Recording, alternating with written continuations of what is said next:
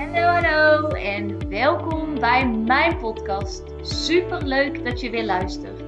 Mijn naam is Bente en ik zie het als mijn missie om mezelf en zoveel mogelijk anderen te helpen naar hun droomleven. In deze podcast heb ik het over hoe je een succesmindset ontwikkelt, wat de wet van aantrekking is, hoe je deze voor je laat werken en hoe jij stappen kunt zetten richting jouw droomleven. Laat jij mij jou inspireren en ga jij mee op reis van persoonlijke ontwikkeling? Let's go Dio! Hallo, hallo, daar zijn we weer. En ditmaal een podcast vanuit de auto.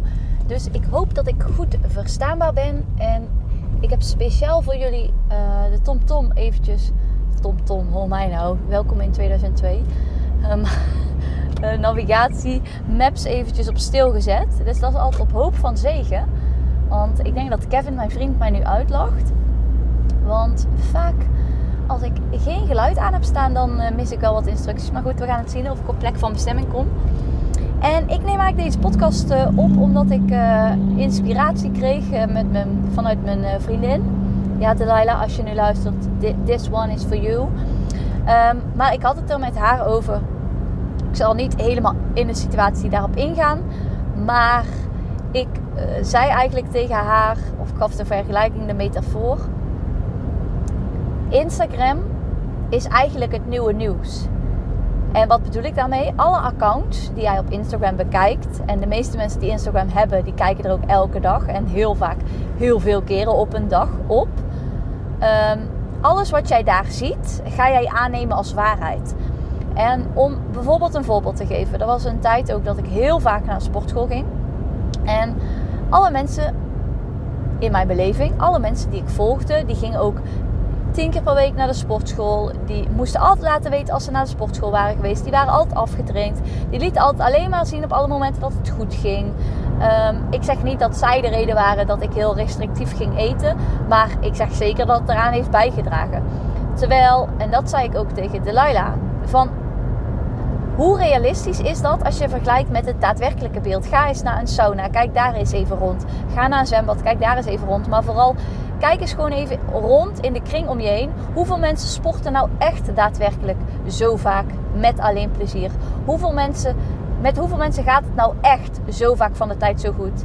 Ik zeg, het is nou eenmaal niet zo dat we midden in een, als een trauma omhoog komt, of bij een trigger, dat we dan denken: hé, hey, laat ik live even op Instagram gaan. En natuurlijk zijn er uitzonderingen, maar wees je er wel bewust van. Het is, ik, het is niet, dit is geen betoog om tegen mensen te zeggen: iedereen moet stoppen met Instagram.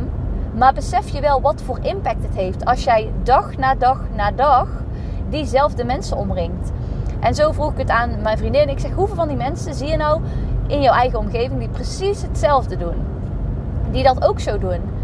Zeg ze: ja, uh, ik denk in mijn omgeving één iemand. Ik zeg: besef. Ik zeg: je bent wel misschien omringd door honderden. Nou, uiteindelijk kwamen zeg maar rond de 150 mensen uit waar zij direct mee in aanraking staat. En één daarvan, ik zeg dat is nog niet eens 1% hè. Dat is nog niet eens 1% van alle mensen waarmee jij in aanraking komt. En toch, doordat je het elke dag opnieuw op social media ziet, wordt het jouw nieuws. En wat bedoel ik daarmee? Het nieuws zie je ook dag na dag na dag na dag. En op een gegeven moment ga je het Ga je er helemaal in zitten? Ga je het probleem zo erg vinden? Ga je de oorlog in weet ik veel waar zo erg vinden? Of ga je het probleem dat op het nieuws ook een probleem wordt gemaakt, ga je ook echt een probleem vinden? En dat is hoe het ook werkt met Instagram. Alles, ze zeggen wel, iedereen waar je mee omgaat, word je mee besmet. Maar niet alleen qua mensen is dat zo. Dat is ook met een Instagram zo. En ik zeg niet dat we met z'n allen moeten proberen om niet besmet te worden. Maar wees je bewust waarmee je jezelf besmet. Is het een positieve stimulans? Of kraak jij jezelf alleen maar af doordat jij dat soort mensen allemaal volgt? Is het iets positiefs? Of ga jij twijfelen aan alles dat je doet? Roepen die mensen een positief gevoel in je naar op? Of ga je constant aan jezelf twijfelen? Ik merkte bij mezelf een hele lange tijd geleden al dat ik heel erg aan mezelf ging twijfelen. Mezelf heel erg ging vergelijken. En ik gaf dus ook terug aan mijn vriendin van... Voor mij is het zo dat doordat ik die Instagram laat voor wat het is, voor nu, hè, ik zeg niet dat het altijd zo is, maar ik laat voor wat het is, merk ik dat ik veel minder met anderen bezig ben. Wat anderen denken. Tuurlijk, ieder mens heeft zijn eigen onzekerheden en zijn eigen processen. Maar het is zeker, nou ik denk, zal het zijn, 50% afgenomen sinds ik Instagram niet meer gebruik. En dat vind ik wel echt een bizar verschil. En vooral het contrast tussen wat is de werkelijkheid en wat is Instagram. Op Instagram laten mensen gewoon over het algemeen alleen hun beste kant zien. En tuurlijk, als er iets verschrikkelijk is gebeurd, kunnen ze er misschien een paar maanden later iets over delen. Maar bijna nooit als mensen in dat proces zitten. En dat is iets wat je uit het oog raakt op het moment dat je dat altijd ziet. En je zou dus ook een keuze kunnen maken om bijvoorbeeld sommige mensen te ontvolgen. En als je dan iets wil weten, dat je ze wel opzoekt, maar dat het niet meer elke dag is wat jij binnenkrijgt. Je zou eens kunnen nadenken.